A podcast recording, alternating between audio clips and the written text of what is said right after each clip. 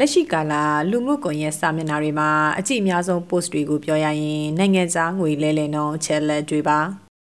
အမေရိကန်ဒေါ်လာ၊ထိုင်းဘတ်၊တရုတ်ယွမ်စတဲ့နိုင်ငံခြားငွေစည်းတွေတက်ပြီးမြန်မာငွေစည်းအကျမြန်လာတာတွေကြောင့်လုပ်ငန်းရှင်တွေရောစားသုံးသူတွေအတွက်ပါငွေစည်းဟာအချိန်နဲ့တပြေးညီတည်ကျင်စရာဖြစ်နေပါတယ်။ ပြီးခဲ့တဲ့ရက်ပိုင်းကဆိုရင်ထိုင်းဘတ်စီဟာတနေ့တည်းမှာနေတနာရီချာနှစ်နာရီချာတခါပြောင်းလဲတဲ့အခြေအနေအထိဖြစ်ပေါ်ခဲ့ပါတယ်။တရုတ်ယွမ်ငွေတန်ဖိုးဟာဆိုရင်လည်းဒီနေ့မှတင်ဈေးမြင့်လာပြီးမြန်မာငွေကျပ်သိန်းဟာတရုတ်ယွမ်200ဝန်းကျင်သာညီမျှတဲ့အနေအထားဖြစ်နေတာပါ။ပြီးခဲ့တဲ့ဇူလိုင်လလောက်အထိကျပ်တသိန်းကိုရန်ငွေ400ဝန်းကျင်လဲလှယ်လို့ရတာကြောင့်လက်ရှိအချိန်မှာတော့နှစ်ဆနီးပါးဈေးမှလာတယ်လို့ဆိုနိုင်ပါတယ်။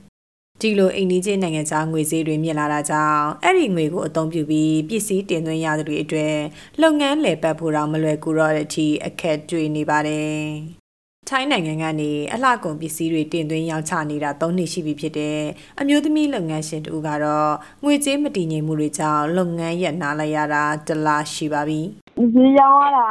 မကိုက်တော့ဘူးလေအရှုံးကြီးပဲပေါ်နေတယ်။ ရှုံးသက်သက်ပဲရောင်းလိုက်ရှုံးလိုက်ရောင်းလိုက်ရှုံးလိုက်နဲ့ဘက်စီတွေကအပြောင်းအလဲတွေများတော့ပစ္စည်းကတော့ဝယ်ဖို့မဝယ်ဘူးတော့ဒီတိုင်းပဲထားလိုက်အဲ့ဘက်စီကိုတစ်ခါပြောင်းနေတော့ဟိုအရှုံးများတယ်အဲ့ဒါနဲ့ပဲနားလိုက်တယ်အဲ့လိုမျိုးပဲဟိုကတော့ဆိုတာအစတော့ဘက်စီတွေငြိမ့်တယ်လေအခုကျတော့ဘက်စီတွေလည်းမငြိမ့်အရှုံးတွေလည်းပေါ်อืมအနာမသိခင်တော့သူ့ဘာသူပုံမှန်ပဲသွားနေတာဟုတ်နေရောပဲအခုကျတော့ဘလို့မှအစီမပြေတော့ဘက်စီတွေကြားတာနဲ့ ဘာမှလုပ်လို့အဆင်မပြေတော့ဘူးရက်နာလေ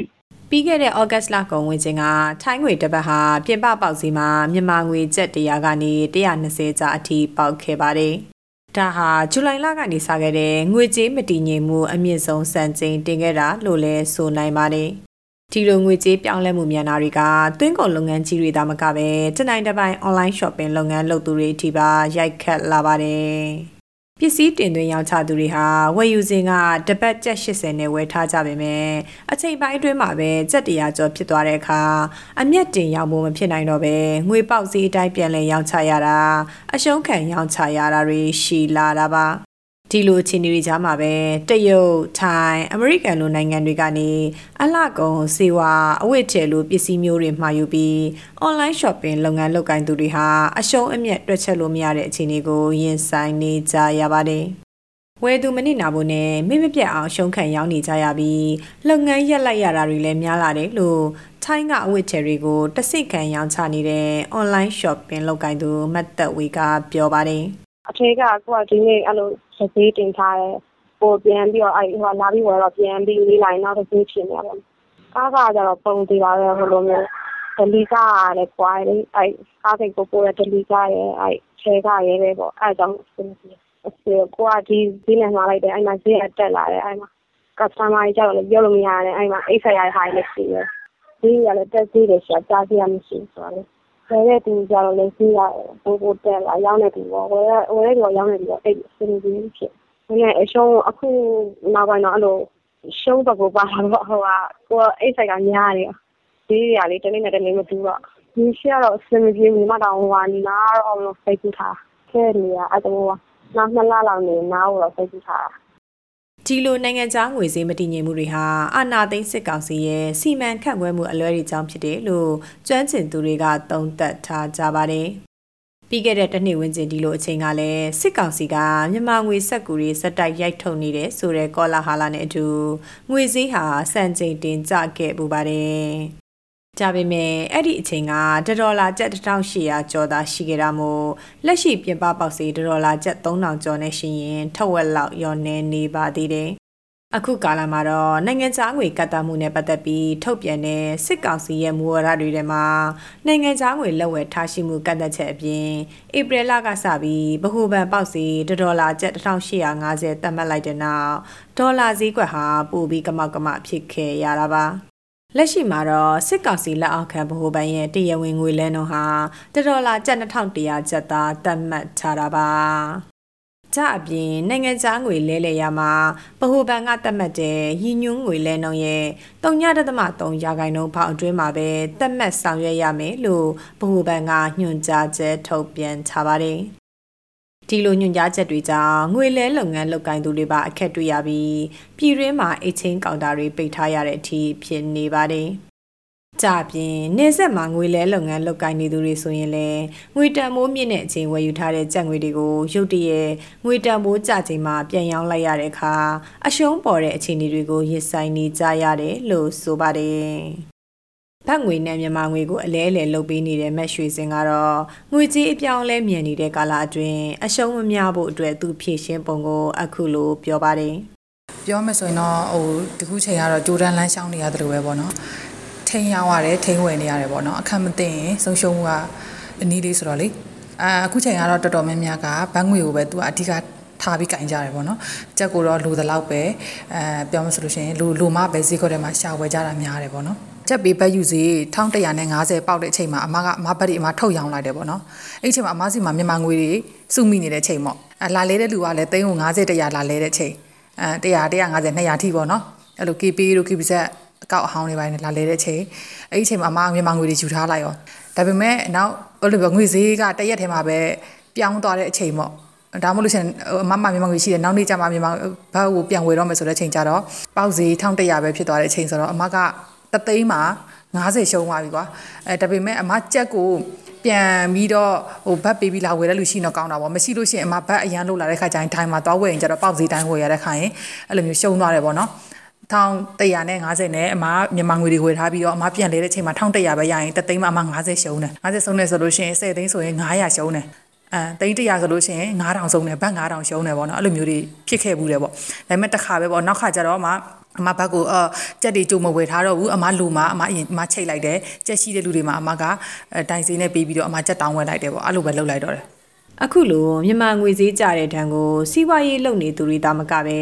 ကြော်လိုက်ရေးမှာပါဝင်နေသူတွေပါရင်ဆိုင်နေကြရတာပါငွေစည်းကျဆင်းမှုနဲ့နှစ်ဆနီးပါးပို့ပေးဝယ်လာရတဲ့ကြည်စံစည်းနှုန်းတွေကြောင့်တိုက်ပွဲတွေမှာထက်ဝက်လောက်အထိရှော့ချပြီးကြည်စံအသုံးပြုရတာ လက်နက်တီထွင်ဆက်သက်ထုတ်လို့ရမှာကတ်သက်မှုတွေရှိလာတာရှီရန်အတွက်ရဲဘော်တွေအတွက်တကူရေးစားသုံးပစ္စည်းတွေအလုံးလောက်မပေးနိုင်တာအပြင်စားနပ်ရိက္ခာကြက်တဲမှုတွေပါရင်ဆိုင်နေကြရပါတယ်ငွေလဲနှုန်းမတည်ငြိမ်မှုနဲ့အတူလက်နက်ခရမ်းတွေကိုထိုင်းပတ်ငွေနဲ့အတိကအသုံးပြုဝယ်ယူနေရတဲ့ကြော်လိုင်းရေးတပ်ဖွဲ့တွေဟာလည်းပစ္စည်းတစ်ခုချင်းစီအတွက်အရင်ကချက်နှစ်ဆနီးပါငွေပိုကုန်ကျနေရတယ်လို့ဆိုကြပါတယ် အရင်ကကြည်စံတတောက်ကိုဘတ်30သားရှိပေမဲ့လက်ရှိမှာတော့နှစ်ဆအထိဈေးတက်လာတာပါ။ဒါအပြင်မြန်မာပြည်တွင်းကအလူငွေတွေကိုထိုင်းဘက်မှာဗတ်ပြန်လဲတဲ့အခါငွေကြေးရရှိမှုနေတာကြောင့်ရိတ်ခါနဲ့လက်နဲ့အကျွဲထောက်ဖို့လုပ်ပေးနေတဲ့ထိုင်းနယ်ဆက်ကထောက်ဖို့သမားတအူကလက်ရှိရင်ဆိုင်နေရတာကိုအခုလိုဆိုပါတယ်။ ဒီဘက်ကပစ္စည်းတွေတန်မိုးကလည်းမြန်မာငွေဈေးကျသွားတဲ့ပုံမှာလိုက်တက်လာတယ်တန်မိုးတန်မိုးကမပြောင်းလဲဘူးမြန်မာငွေဈေးကျလာတဲ့ပုံမှာပစ္စည်းဝယ်ရတဲ့ဒီခုနလက်နဲ့ကြည်စံပစ္စည်းတွေရဲ့ဟိုပေါ့တန်မိုးစီကျွန်တော်ကပို့ပြီးတော့တက်လာတဲ့ခါတိုင်းအဲသသိန်းသသိန်း2000နဲ့ပစ္စည်းအခုဆိုသသိန်းခွဲသသိန်း6000 ဖြစ်လာတယ်ဒါပေမဲ့ကျွန်တော်ကငွေစံမှုကလည်းကျလာတဲ့အခါကျတော့ဒီပစ္စည်းကိုလည်းလက်မလို့ကြီးရတော်တော်လေးပို့ပို့ဝေးလာတဲ့သဘောတော့ရှိပါတယ်ဗျအဲ့တော့ကိုတော့ပို့ပြီးအားထုတ်ရတဲ့အနေအထားလည်းရှိပါတယ်ပေါ့အဲနောက်ပြီးကြတော့ဟိုအထက်ရလူပြည်တွင်းနဲ့ကလူတွေကလည်းတော်ပွဲလေးလည်းပန်းလာတဲ့ခါကျတော့ခါတိုင်းကုသလိုမျိုးတော့မှသူတို့မှဟိုကုတော့ကုနေကြပါတယ်ဒါပေမဲ့ရော့သွားတဲ့အနေအထားတွေလည်းတွေ့ရတယ်ပေါ့အများကြီးအဲ့အတွက်ကြောင့်ကျွန်တော်ကပြပ အလူရှင်တွေကိုပို့ပြီးအားကိုးလာတဲ့အနေအထားတွေရှိပါတယ်ပေါ့အရင်တက်ဆိုရင်တော့အများကြီးရော့သွားတော့ပေါ့ခါတိုင်းဆိုရင်တနေ့တနေ့အဖွဲတစ်ဖွဲကို9သိန်း10သိန်းအနည်းဆုံးဝန်ဝန်ကြီးထောက်ပံ့နေတဲ့နေရာနေအခု9သိန်း10သိန်းဆိုရင်ဘာအားဖြင့်ကျွန်တော်က1000နေ1000ခလောက်ကြောက်ကျွန်တော်အဖွဲတွေရစစ်ဆောင်တွေကိုကျွန်တော်နေ့စဉ်ပေါ့အရေးပေါ်လိုအပ်တဲ့နေရာတွေထောက်ပံ့နေတဲ့အခါအဲထောက်ပံ့နိုင်နေရာကနေပြီးတော့အခုအချိန်ဒီမှာတော့ကျွန်တော်အများဆုံးမှပတ်သက်တော့နဲ့ဘတ်8000ကျော်ပဲကျွန်တော်ပေးနိုင်လို့တဲ့အနေအထားတစ်ခုကြီးရောက်သွားတယ်